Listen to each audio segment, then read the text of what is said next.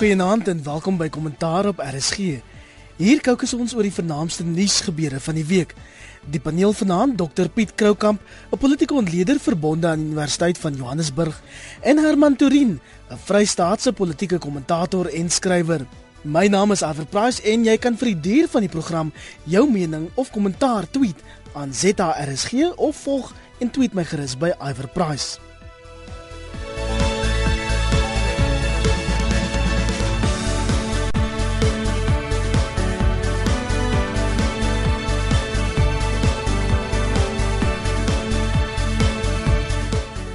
In finansie program 'n beeskraal, 'n hoenderhok, 'n snoepwinkel, ligversorging en 'n ondergrondse banker.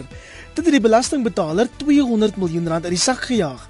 En ons vra waarom fotos van Nkandla dan glo konsuis verbode sou wees. Daar is groot openbare verset teen Gauteng se etolstelsel wat op 3 Desember amptelik in werking tree. Ons vra hoe lank Gautengers nog daarteen gaan kan skop. Ons bekyk die DEA se beleidskonferensie waar regstellende aksie weer op die agenda is en ons vra waarom die Vryheidsfront Plus juis minderheidsregte en plaasmoorde op die agenda van internasionale vergadering geplaas het.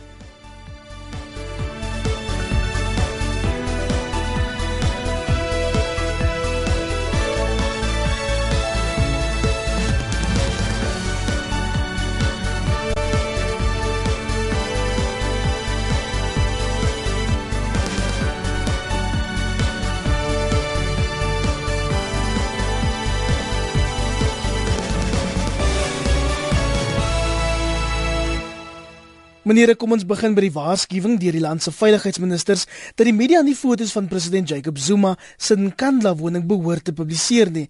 En lyk meneer die media is werklik waar vry van staatsinmenging nie, Piet? Daar's 'n paar dinge ter sprake. Die een is belangrike ding is ek dink nie die minister het self die wet gelees voordat hy die openbare aankondiging gemaak het nie, want die wet is baie meer spesifiek terloops is 'n ou apartheidswet van 1980 wat die apartheidstaat gebruik het om die media bietjie meer beter mee te beheer as hy die wet gelees sou sien dit verwys wel na die die die, die sekuriteitsaspekte van minister se huise en van wat hulle noem nasionale sleutelpunte. Maar die feit bestaan is mense het die indruk gekry toe die minister dit sê as, asof hy die media bietjie dreig, asof hy burgerlike samelewing dreig en in spesifieke verwysing met die uh, verslag van die openbare beskermer en ek dink dit was polities was dit op 'n onsensitiewe manier gedoen geweest en sy woordvoerders daarna het probeer regstel, maar die feit bestaan is ek dink ministers moet versigtig wees. Ons burgerlike samelewing, ons media is baie vry, baie effektief en het 'n baie goeie geskiedenis van reageer wanneer daar autoritaire of repressiewe tipe van aksies deur die staat voorgestel word. En hierdie was 'n klassieke geval waar die burgerlike samelewing en die media baie baie vinnig sy terrein teruggeëis het. Jy sal sien die volgende dag het van die koerante sommer onmiddellik 'n foto van 'n kandelaar op die voorblad geplaas en die ministers moes so half op die agtervoet teruggeretireer. En ek dink dit is wat belangrik is dat daardie verhouding moet voortdurend daai balans van waar is die regte van die burgerlike samelewing en wanneer ministers of die uitvoerende gesag of politici hulle regte oorskry was op 'n baie manier, mooi manier vir ons weer hervestig hier. Herman se spiet nou tereg sê die meeste dagblaaie het die dag daarna ten spyte van die minister se waarskuwing nogal dapper en en vreesloos opgetree terwyl daai foto's van Nkandla op die voorblad te publiseer. Die probleem is natuurlik dat daar meer as 200 sleutelpunte in Suid-Afrika is waarvan die meeste geheim is Nou onder die sleutelpunte wat wel bekend is is onder andere die internasionale lughawens, die parlement en ons weet dat die parlement gereeld afgeneem word, gefotografeer word. So die fokus op die kwessie dat dit 'n sleutelpunt is, het eintlik erg geboomerang want anders sou hulle byvoorbeeld nie die parlementsopening of die staatsrede of die tipe van funksies waar hulle uitsendings uit die parlement uit doen ook kon doen nie. Soos Piet uitwys, die bedoeling was eintlik dat dit op die veiligheidsaspekte fokus en by 'n kandla praat mense nou van bunkers en so meer wat glad nie op fotos kan wys nie. Die hele kwessie was maar dat dit gaan oor 'n politieke sensitiwiteit. Daar is byvoorbeeld 'n foto wat baie sterk in omloop is veral op die sosiale media waar in Kanla op die agtergrond gewys word en 'n paar baie armoedige pondokke op die voorgrond en nou die byskrifte wat nou lei dat dit is Zuma se diere wat nou in hierdie verskriklike armoede leef. So die hele kwessie bly 'n uh, verleentheid op verleentheid. Dit volg kort nadat daar nou gemotiveer is hoekom daar nou so baie gespandeer moes word op die president se veiligheid onder meer vrese vir aardbewings wat uit die aard van die saak nou in daardie area nou baie baie oordrewe is. Die president is in baie groter gevaar met sy bloulig kavalkade wat sy deur die verkeer jag as wat hy aan 'n aardbewing blootgestel word. 'n Mens moet die, die hele konteks van hierdie situasie verstaan en dit het baie sleg op die regering geboemerang en daarom was dit ook nie verbasend nie dat die Pumzile Williams toe nou omkeer gemaak het in die kwessie. Nou, ek dink haar fout wat sy gemaak het was om die blame toe nou terug op die media te plaas wat die kwessie verkeerd verstaan het. Net vir idee te gee hoe onbeholpe en oningelig die ministers baie keer kan wees. Hulle het onder andere, ek dink die minister het onder andere verwys na die Withuis en dat hierdie instellings nooit toegelaat sal word. Downingstraat. So, ja, Downingstraat al die gebeur. Die feit bestaan is onder andere van die Withuis is daar 'n vloerplan op Google beskikbaar. Daar gaan gereeld toere deur die Withuis byvoorbeeld. So baie van hierdie huise en instellings is redelik toeganklik vir die burgerlike samelewing. Dit hang af wat mense praat van die sekuriteitsaspekte en ek dink dit's wat die minister eintlik moes gesê het en dis waartoe hulle natuurlik nog geretireer het later. Maar eintlik is hierdie verbod of die beweerde verbod op die fotos, die vroeëre interdik teen die openbare beskermer, alles deel van 'n groot komplot om meneer Zuma te beskerm teen moeilike vrae. Ja, ai word dis dis dis jy word dit gesê het gelukkig en nie ek nie. dit is kyk dit is die algemene persepsie. Dis die publieke persepsie, die openbare persepsie is dat al hierdie goed, dit gaan nie werklik oor die sekuriteit by in Kanada nie. Dit gaan nie werklik oor die, die veiligheid vir die president nie. Eintlik gaan dit in watter mate kan ons die publiek verhoed om toegang te kry tot die openbare beskermer se verslag oor in Kandla.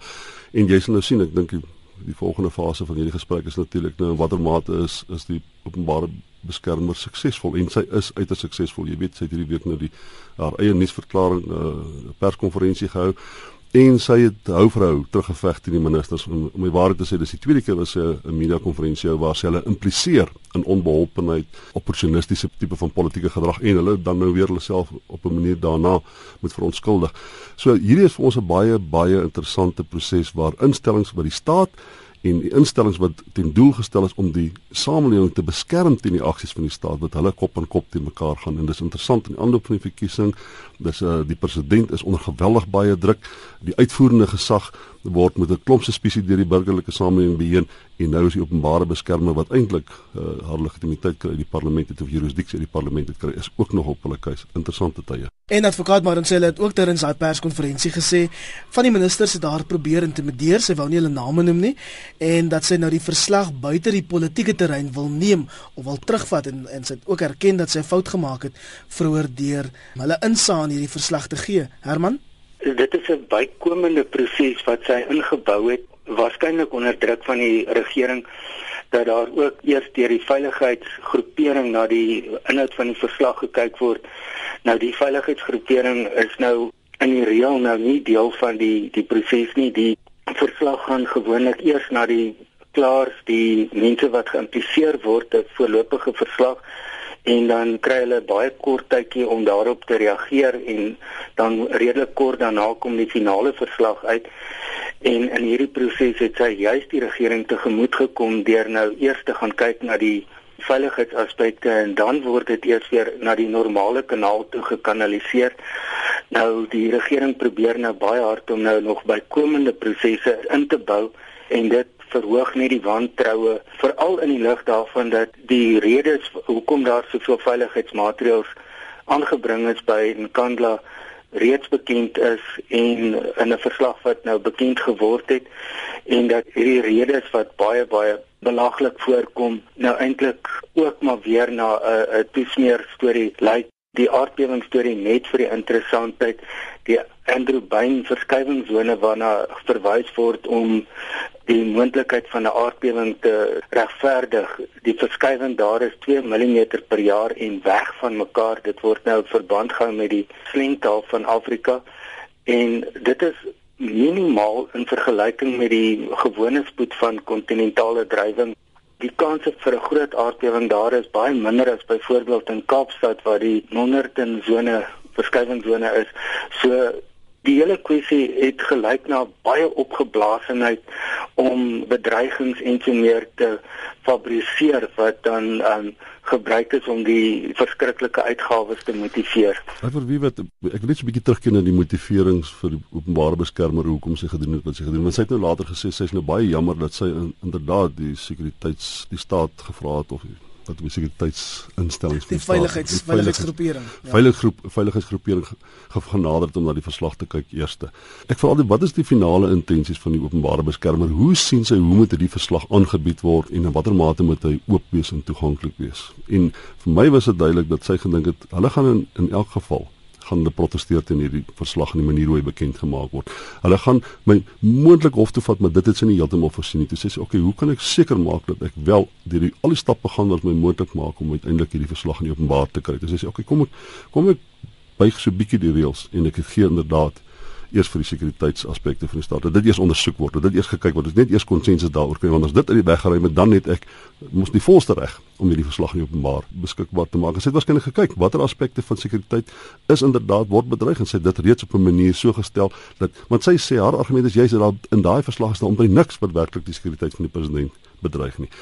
En eintlik het dit 'n bietjie geboomerang. Ek dink nie sy die die mate waartoe die ministers besluit het hulle gaan hierdie verslag keer het sy werklike berekening gebring maar by my is dit baie duidelik die openbare beskermer wil hierdie verslag aan almal in Suid-Afrika bekend maak, nie net aan 'n klein groepie mense binne die parlement wat te doen het met sekuriteit en veiligheid in die staat nie. Ons praat nou oor die DEA se beleidskonferensie wat gister nog in Kaapstad gehou is en die DEA sukkel steeds om daai vuure dood te slaan na hy op die nippertjie besluit het om nie die nuwe bemagtigingswette te steun nie. En Piet, die DEA het besluit om nou eerder elke 5 jaar sy beleid oor ekonomiese inklusiwiteit te hersien. Dis my enige baie snaakse ding wat ek sou wou gedink het veral omdat ons deur so 'n vloeibare tyd gaan polities en ekonomies in Suid-Afrika en omdat die DA 'n party is wat redelik radikaal wil verander. Jy weet Jellen Zul sê altyd die volgende hoof van die party sal swart wees. Ek dink ook mense moet vir Jellen Zul krediet gee. Sy het in groot mate die identiteit van die party verander. So daarom kan ek ook glo dat mense sou gedink het dat mense moet ook na ekonomiese en politieke beleid kyk voortdurend in watter mate dit konformeer of korrespondeer met die mense of jou steunbasis. So ek kan dink hoekom jy elke 5 jaar 'n beleidskonferensie wou gehou het nie. En hier het dit nou ontploffende gesig as hulle 'n beleidskonferensie gehou het 6 maande gelede in die aanloop van die verkiesing soos wat hulle behoort te doen, hou dit lank voor die tyd sodat ons weet presies wat ons beleid is wanneer ons in die aanloop van die verkiesing kom, dan sou hierdie goed reeds op die tafel geplaas gewees het. En toe het jy nou hierdie wat Lindewe mis sy boeke heeltemal reg sê, miskien het daar 'n tipe van soos die ANC two centers of power begin ontstaan en die een gesagsbasis wat rondom Helen Zille is, is 'n liberale een en dan is daar die toenemende swart groei in die party wat sê miskien moet ons kyk na ekonomiese beleid sodat 'n meer verdelingsbeleid is. Dit miskien 'n bietjie minder liberaal is en dalk 'n bietjie meer uh noem dit nou maar maatskaplike tipe van staat politiek wat ons wil voorstel of ekonomiese beleid wat ons wil voorstel. Ek dink daai verdelingslyn is baie pertinent binne die DA. Soos wat hulle meer swartlede kry, gaan daai vraag baie meer pertinent gevra word en ons kyk nou net na uh, regstellende aksie en en en, en swart ekonomiese bemagtiging, maar daai is maar net simbolies van ek dink 'n baie komplekse ideologiese vraag wat binne in die DA gevra word. 'n Ander interessante beleidsbesluit is dat die DA vol mense moet self kan besluit Herman of hulle volgens ras geklassifiseer wil word of nie. Die DA het 'n paar beleidsrigtinge waar die lede kan kies, byvoorbeeld oor abortus en die doodstraf. Hierdie is nie heeltemal vreemd aan die DA nie. Nou hierdie um, spesifieke kwessie oor die keuse van ras is deel van 'n manier om die die sensitiwiteit rondom hierdie hele kwessie te probeer ontlont. Die DA is in 'n tipiese konflik ingebou eintlik waar die kwessie van hoe verskillende mense na dieselfde tipe saak kyk heeltemal verskillend is onder meer as mens kyk na die um, syfer oor grondbesit dat opnames toon omtrent 85% van die swart mense glo dat blankes hulle grond bekom het deur dit van swart mense te steel terwyl dit andersom is by die blankes en die indiërs en die bruin mense.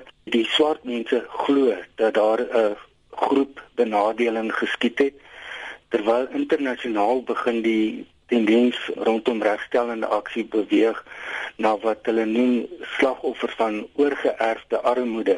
Nou die oorgeerfde armoede word deur baie ander faktore veroorsaak as net mense se ras.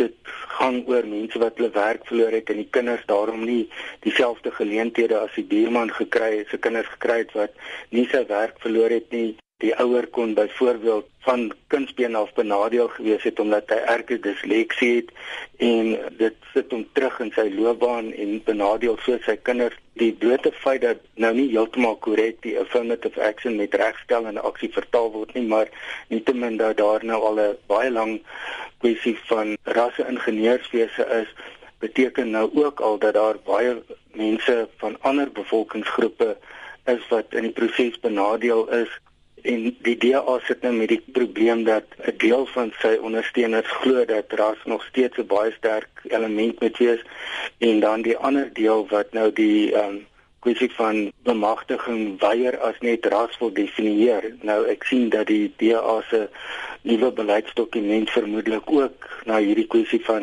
ehm um, definieer dit weier as ras kyk maar presies hoe maklik dit nou by die swart kokes verbygaan kom is 'n ander vraag. Ja, ek ek ek, ek dink dis vrot politieke bestuur. Jy moet weet doodstraf en abortus nê is twee morele kwessies. So ek kan verstaan as hulle sê goed, die morele wigte in daai vraag is baie sterk. Hierdie ras is plain politiek, dis ideologie. En dit is een manier hoe die DA probeer om op twee stoele te sit. Hulle veronderstel dat die mense wat voel maar hulle moet hulle raspertinent vermeld het 'n bepaalde ideologiese ingesteldheid en die wat uh, vermoed mense moet dit nie doen nie het 'n ander ideologiese ingesteldheid. Hulle probeer hier twee noem dit nou maar meesternarratiewe of ideologieë probeer op 'n of ander manier binne die party staan maak sonder om een van die twee groepe te vervreem. Wat ons nou gesien het hier in die parlement, Lindiwe Masibuko en Helen Zil wat moes omdraai gemaak het, is presies daai ideologiese verskil wat gemaak het dat want jy, jy moet 'n vorm van konsensus of 'n kompromie met jy genereer en dit moet jou beleid wees. Jy kan nie twee tipe van aansprake vaardig laat wat met mekaar kompeteer nie. Dit sal terugkom om die DA se wêreld vir hulle moeilik te maak. Nou vir 'n saak wat belastingbetalers in Gauteng die harnas injaag en dus die minister van vervoer, die Pieter Pieter se waarskuwing dat mense wat etol ontduik wel vervolg sal word en die omstrede etolstelsel tree nou op 3 Desember in werking. Herman, dink jy die minister se geblaf was sterk genoeg om die volk bang te maak of genoegsaam bang te maak om wel daai skuifies te koop? Alhoewel die indruk wat 'n mens kry is dat dit eerder 'n weerstand verhoog. Dit is 'n interessante groepering waaruit hierdie wat eintlik niks anders as leidelike verset is nie ontwikkel en dit wissel nou van byvoorbeeld Kusatu wat ten spyte van sy interne probleme die teenkant teen die etol weer bevestig het. Julius Malema se party wat baie sterk standpunt daarteen inneem en dan nou byvoorbeeld die DA en die Vryheidsfront Plus se regsoptrede wat nou versnel word maar die ehm um, hele kwessie gaan oor die groeperings wat geassosieer word met hierdie burgerlike verset om nie die ehm um, skuisies te koop nie dit is nie verpligtend nie. Die wet maak nie daarvoor voorsiening dat mense dit moet koop nie. En mense het ook die probleem uit die aard van saak dat Gauteng kry baie besoekers uit ander provinsies. En die mense kan tog nou nie gaan eetolkaartjies koop vir as hulle een of twee keer per jaar in Gauteng kom nie.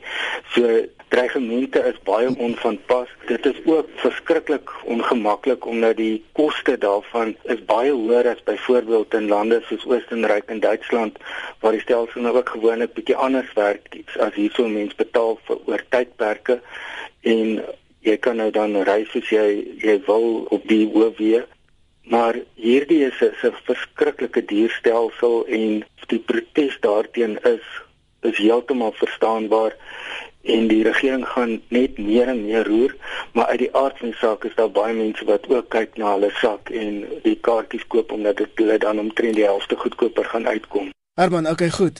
Ons weet die regering het nie die kapasiteit om omtrent 3 miljoen mense wat die hoofweë gebruik hier in Johannesburg of in Gauteng in hegtenis te neem nie, maar ons praat hier van mense wat gevra word om die wet te oortree. Wat maak jy daarvan, Piet? Ek dink mens moet uh, so 'n paar van die tegniese aspekte van hierdie ding bietjie bietjie beklemtoon. Die een is net 14%, tussen 10 en 14% van mense in Suid-Afrika wat verkeerkaartjie kry, betaal dit en Gauteng is dit ek dink omtrent net dieselfde syfer. So mense uh, verontagsaam alreeds daai aspek van die wet. So dit kan er wees dat redelik maklik vir hulle is om dit weer 'n keer te doen. Maar dan moet ons 'n ander ding onthou. Kusatu en die EFF se lede is reeds op 'n manier binne die stelsel geakkommodeer. Hulle ry waarskynlik in taksies. Met ander woorde, die werkersklas en die werkloses ry waarskynlik taksies.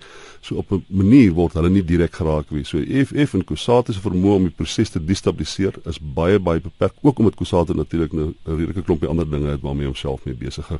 So oor daai deel dink ek is die minister nie meer vreeslik bang nie. Hulle daarmee hulle dit hanteer. Die volgende groep wat belangrik is en dis die mense wat werklik die hoofweë gebruik in hulle kar is die middelklas in Suid-Afrika. Nou ons weet dat swart en wit, wit middelklas Suid-Afrika gedra op 'n baie spesifieke manier. Die kans dat hulle gaan ry na die tolhekke toe daar gaan proteseer in die plek van die brandsteek is nul. Wat gaan hulle doen? Hulle gaan aanvanklik gaan hulle nie betaal nie totdat die prys daarvan om nie te betaal nie hoër word as die voordele om dit te ignoreer en hulle is 'n relatiewe passiewe groep die middelklas Suid-Afrika. So ek dink die minister speel van 'n redelike goeie wicket af. Sy het die ding die somme baie mooi gemaak. Die werkersklas gaan jy baie moeilik mobiliseer want hulle word in elk geval nie direk geraak nie. Grootliks en die middelklas is 'n baie passiewe groep mense. So ons hoef nie vreeslik oor hulle te worry nie. Al wat ons moet doen is ons moet twee of drie mense moet ons baie streng vervolg. Ons moet in die begin met as die skroewe baie mooi vasdraai en dan sal hierdie ouens sien maar die koste van die betaal nie is behoor as die voordele en dan met 'n tyd sal ons hulle in die stelsel intrek. Ons gaan afhanklik gaan die stelsel sukkel om te funksioneer, maar ek het so vermoede uiteindelik gaan ons betaal, ons gaan gewoond raak daaraan en ons gaan hulle het nog 5000 km wat hulle ingereken wat hulle in die toekoms gaan inwerk by die proses en uiteindelik gaan die beginsel van as jy gebruik, dan betaal jy, gaan reg deur Suid-Afrika op paaie van toepassing word. Stem jy saam Herman? Eh, hier in die Vrystaat het dit nogal 'n taamlike groot probleem dat byvoorbeeld boere kry hierdie boetes oor die pos dat sy sleepwa sonder 'n trekker deur die spoedlokvalle dan Gauteng gaan jag. Dit is nogal 'n redelike groot proses om so 'n vervolging gestuit te kry terwyl dit ooglopend nie kon wees nie. Die fotos wat saamgestuur word verskil heeltemal van die voertuig wat die persoon besit ook die tipe van probleme.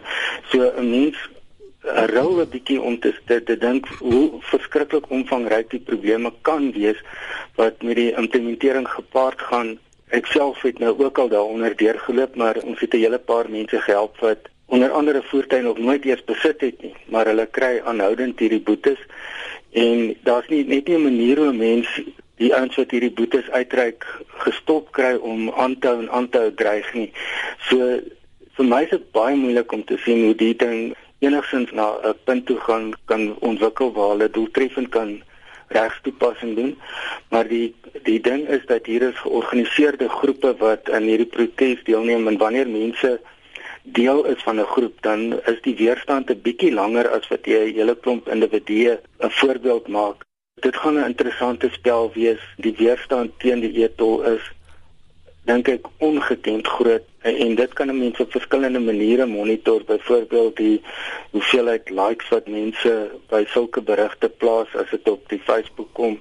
Dit is 'n ongelooflike omvangryke burgerlike protes wat aan die ontwikkel is. Herman, Herman, ek wil vir jou verskil. Toe Kusato tollekke toe gestap het toe daar seker 2 of 300 mense van Kusato opgedaag is. Kusato vir 'n loonstaak opdag is daar 10, 15, 20000 mense. So Kusato sukkel om hulle eie lede te mobiliseer. Hoekom? Omdat hulle eie lede nie geraak word werklik deur die tolgeld hulle eie lede ry taksies. Outa vat hoofsaaklik die regsweg. Die, die, die, die politieke partye probeer dinge in die hof gestop kry. Hoekom? Omdat hulle weet daar's geen manier wat jy 'n massa hoeveelheid burgerlike samelewing gaan kry by die tolhekke om dit te stop nie. Ons kon nie eens toe ons 'n miljoen mense wou kry teen misdaad kon ons dit nie eens by die tyd by die Unie gebou regkry nie. En vra vir Steve Hofmeyer, hulle het probeer om om om 'n Red Oktober te hou en 300 mense opgedag dis baie baie moeilik om rondom sulke kwessies Suid-Afrikaners en mas uit te kry. Die probleem wat uit of die probleem wat mense wat teen die tolhekke is, daar is nie 'n organisasie en struktuur wat hierdie ding behoorlik kan aanvat in die vorm van aktivisme nie. Ons moet die regs as ons die regs uh, een verloor, dan moet ons aanvaar ons gaan tolgelde betaal. Die ouens wat likes maak op Facebook en die ouens wat onderaan uh, klomp briewe skryf, daai is die hotheads van society, die hotheads van Suid-Afrika. Hulle sal altyd daai goed doen da selfs daai mense is nie vreeslik mobiliseerbaar altyd in die vorm van 'n uh, aktiewe aktivistiese protes nie. As jy dalk laatbens ingeskakel het, jy luister na 'n kommentaar op RSG en ons praat nou oor Dr Pieter Mulder van die Vryheidsfront Plus se vergadering die week in Kaapstad met die Unrepresented Nations and Peoples Organisation waarvan hy ook 'n bestuurslid is en Piet Dr Mulder het plaasmoorde en minderheidsregte in die land op die agenda laat plaas. Dink jy dit was 'n wyse besluit? Ek kan verstaan as hy minderheidsregte op sy agenda plaas want ek ek veronderstel selfs in 'n liberale demokrasie soos Suid-Afrika is daar die argument dat in watter mate beskerm so 'n demokrasie die regte van minderhede. Dis juist die liberale aspek van 'n liberale demokrasie is dat alle politieke diverse politieke en ekonomiese regte word verteenwoordig. Plaasmoorde is daai tipiese opportunistiese ding wat ek dink wat jy onder ver regse skry en Pieter Mulder se die Vryheidsfront daarbey laat betrek. Plaasmoorde so erg as wat dit is, so onregverdig as wat dit is, so wreed as wat dit is, is daar geen indikasie daarvan dat dit buite die konteks val van hoë misdaadsyfer van Suid-Afrika nie. En ek dink dis wat ongelukkig wat Pieter Mulder verkeerd doen. Hy bly net na die ver regse kant van die politiek toe en hy betrek ver regse politieke kwessies en baie waninterpretasies van eintlik wat gebeur wat misdade betref en baie keer in politiek betref in Suid-Afrika. En dan betrek hy dit op 'n internasionale platform. Jy sal sien al hoe meer regses, al hoe meer die Vryheidsfront, lede van die Vryheidsfront en van partye aan die aan die aan die regterkant van die politieke spektrum. Hulle ry Den Haag toe, hulle gaan Amsterdam toe, hulle gaan Europa toe en hulle probeer om een of ander vorm van politieke momentum te kry op die internasionale verhoog om hulle saak hier in Suid-Afrika te ondersteun. Nou daai tipe van ding, wanneer jy dit doen, dan klink jy vir my, dan val jy vir my binne die definisie van 'n vorm van separatisme. En separatisme nee, is is ek sien of jy dis dis 'n haarbreedte weg van 'n vorm van verraad teen die staat. Dit is hoekom ek sê die volgende hofsaak in Suid-Afrika oor verregsges plaasvind, is daar 'n verbintenis tussen hulle en die Vryheidsfront gemaak word dan kan ek vir sê daai party ernstige ernstige probleme. Dan moet die president weer 'n keer kyk oor hoekom is Pieter Mulder in sy kabinet. Jy kan eenvoudig nie iemand binne jou kabinet aanhou wat 'n separatistiese tipe van uh beleid voorstaan of wat separatisme op een of ander indirekte of direkte manier bevorder nie. Ek dink Jacob Zuma moet ernstig kyk na Pieter se posisie in die kabinet. Bygesê Dr Mulder is 'n besonder kundige minister veral in in landbou aangeleenthede. Stem jy saam met Piet Herman? Nee, heeltemal nie. Die kwessie van van plaasmoorde is is 'n bietjie as mens na die berekende statistiek kyk want mense het nou nie amptelike syfers om op te werk nie dan is die moordkoers onder blanke boere of dan eintlik kommersiële boere want daar is 'n paar swart kommersiële boere ook reeds in plaas aanvalle vermoor is omtrent 3 keer hoër as die land se gemiddelde moordkoers en die land se gemiddelde moordkoers is geweldig hoog is omtrent dubbel so hoog as die moordkoers op lede van die polisie. Maar die daardie syfers verskil geweldig van wie ook al die syfers bereken. Mense praat van enigiets van 1 tot 1 uit elke 90 uit 100 000 per jaar tot oor die 300 per 100 000 per jaar. Nou die 90 is waarskynlik die naaste aan korrek. Ehm um, die tweede kwessie wat ek net wil noem is dat die grondwet maak wel voorsiening vir selfbeskikking, ook geografiese selfbeskikking, maar dit erken nie volkomme onafhanklikheid nie. Daar is 'n baie belangrike kwessie as mens nou kyk na die kwessie van separatisme.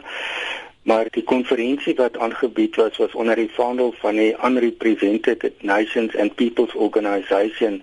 Dit is 'n wêreldwye organisasie. Daar is probleme rondom hom in die sin dat die instansies wat groepe by hom verteenwoordig is nie noodwendig geweldig verteenwoordiging van die groepe wat hulle verteenwoordig nie. En dan is daar individue binne daardie groepe wat so 'n uh, saak geweldig kan in konteks verhoog. As mens kyk na hulle webwerf dan is die Mapuches van um, Chili byvoorbeeld geweldig aktief en op die internasionale agenda die Batwa of dan die Pygmee van Rwanda en Burundi is geweldig hoog op die agenda. En die swart Mauritaniërs wat nou nog dikwels as slawe aangehou word deur die meer noordelike ligter Mauritaniërs is baie hoog op die agenda. Somaliland die Moros daar in um, die Filippyne die Baluchis en um, veral in Iran maar wat ook 'n bietjie in Pakistan is die Vietnamese Khmer die Koerde in Irak en ook die Turkmene in Irak. Dit is kwessies wat oorheers eintlik op hulle agenda en nou in die laaste tyd het ook nogal bietjie die die Afrikaner via die Vryheidsfront Plus ingekom. So is al is al so is al 2008 af dan hè. Ons al lank al is al ek dink van 2008 af daar. Dis reg. Ja. Ja, ja, maar maar dit dit dit dit nou meer gereeld op hulle webwerf ter sprake kom wat hulle die die Afrikaner saak daar aksentueer. Die vraag is eintlik is die Vryheidsfront Plus werklik die regte instansie om namens die Afrikaner en vir die Afrikaner op te tree want in die proses is byvoorbeeld Afriforum na die kantlyn toe geskuif en mens kan nie verwag dat Afriforum deur 'n spesifieke politieke party sy belangegroepe daarmee verteenwoordig nie. Nou die Rehoboth is daar verteenwoordig en dan ook die Khoisan nou by hierdie konferensie is ook Pieter Maree betrek. So dit gaan oor baie meer kwessies as net in die rigting van politieke selfstandigheid. Mense praat hiervan dat Pieter Maree geweldig sterk fokus gelê op die kwessie van ekonomiese benadeling en um, tweede klas burgerskap in effek. As mens kyk ook na um, Pieter Foster wat ook daar gepraat het, um, die hoofleier van die Afrikanerbond, het hy baie baie sterk teen rasseklassifikasie gepraat. Die kwessie is sover as moontlik weggestuur van ras na um, die meer aanvaarbare groeperings rondom wat minderheidsregte 'n soort van 'n uh, eh, reg op hulle eie gee. Ja, maar Herman, um, Herman as jy as jy dink as jy as jy daai een koop dan moet jy moet jy polities na wees. Die feit bestaan is dit gaan oor rasvulle. Dit gaan oor hulle ras, dit gaan oor die wit mense in Suid-Afrika.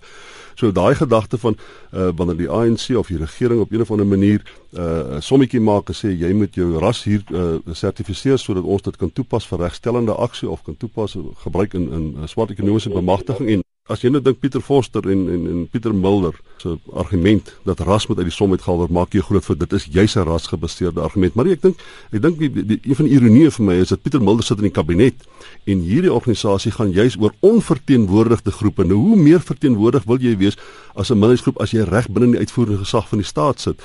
Daai ironie is net vir my te skrillend uh, die kontras en dan ek dink ek net iets teruggie na wat Herman vroeër gesê het. Dit is inderdaad so dat boere baie meer onveilig is en dat baie meer boere vermoor word in Suid-Afrika. Maar hoekom is dit 'n indikasie van 'n politieke agenda? Hoekom is dit nie 'n indikasie van dat boere geïsoleerd voorkom, dat daar persepsies dat hulle geld op die plase het, dat daar wapens op plase is en dat dit die motivering is. Ons daar was al studies wat die ouens spesifiek gedoen het wat bepaal dat daardie is die redes oor hoekom boere op plase aangeval word. As 'n mens daai tipe van krie vorm van argument voer, Dan moet jy ook sê breinmense in die Weskaap is spesifiek word spesifiek geteken vir op 'n politieke manier vir misdaad want ek kan nou vir jou sê op die Cape Flats van die van die Weskaap is die moordsyfer aansienlik hoër as oor die plaasboere weer as 'n subpopulasie. As jy begin subpopulasies opdeel en politieke motivering skep vir hoekom daai spesifieke groep uh, dan nou geteken word, dan kan jy 'n baie baie moeilike som maak. Daar is geen hoe minder die hoe vinniger die mense begin om op te hou om die gedagte te verkoop dat boere uh, op plase aangeval word omdat hulle wit is en hulle word deur swart mense aangeval, hoe vinniger kan mens druk op die regering begin sit om werklik op te tree teen plaasmoorde en die misdaad op plase. Die feit bestaan is as jy dit in die politieke dampkring intrek soos wat die regses doen, soos wat ek dink Herman nou by implikasie gedoen het en wat Pieter Mulder doen, dan bou jy 'n weerstand in die stelsel op om daarteen op te tree. As jy nou na Ria Pega toe gaan of dan uh, na Temteta toe gaan en sê kom ons doen iets aan die lot van boere, dan het hy sy eerste instink is nou 'n politieke reaksie. Nee, hierdie is 'n politieke kwessie want die regse strek dit in die politieke domein. Maak dit 'n tegniese kwessie van sê hier is die volgende redes hoekom boere op plase aangeval word. Dit gaan oor die, die, die natuur van misdaad in Suid-Afrika. Kom ons probeer die natuur van misdaad in Suid-Afrika aanspreek eerder as om te sê ons wil wit Afrikaners op plase beskerm. Ons sal nooit vordering maak met die misdaad teen plaasboere as ons dit in daai primitiewe politieke domein intrek nie. En op daardie wit warm noot is dit tyd om te groet. Dis ongelukkig almal vir 'n tyd het vanaand hier op kommentaar. Baie dankie dat jy na RSG geluister het. My naam is Iver Price en die paneel Dr Piet Kroukamp, 'n politieke ontleder verbonde aan die Universiteit van Johannesburg, naam Piet. Lekker aanpaai. En Herman Turin, 'n Vrystaatse politieke kommentator en skrywer. Goeienaand, Iver en goeienaand luisteraars. Lekker aan verder.